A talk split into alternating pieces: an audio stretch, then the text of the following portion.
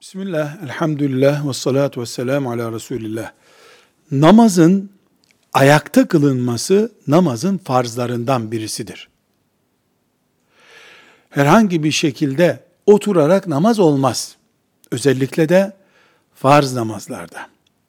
Ama özrü olan, başı döndüğü için, ayakları ağrıdığı için, bel fıtığı bulunduğu için, menisküsü bulunduğu için, benzeri bir şekilde bin bir mazeret var. Böyle bir özrü olan namazı oturarak kılabilir. Namazı oturarak kılacağı zaman bir Müslüman prensip olarak yere çömelip nasıl rahat oturuyorsa o şekilde oturarak kılmasıdır esas olan. Yere oturur, secdeye gidebiliyorsa gider. Gidemiyorsa oturduğu yerden biraz eğilerek ruku yapar, biraz daha eğilerek de secdesini yapar. Bu şekilde yani namazda ayakta duramayanın oturması bu şekildedir. Ancak bazen bu da mümkün olmayabilir.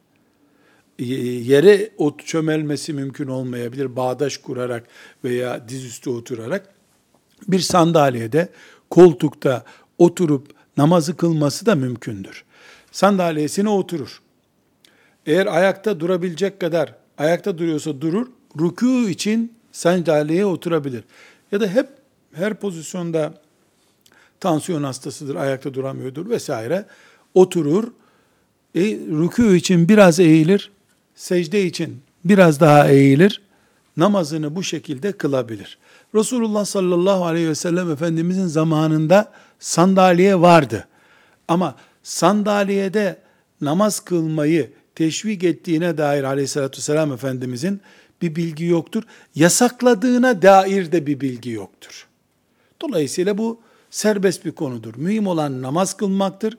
Sonra mühim olan özürsüz namazda bir değişiklik yapmamaktır. Özür olunca da sandalyede namaz kılmak mümkündür.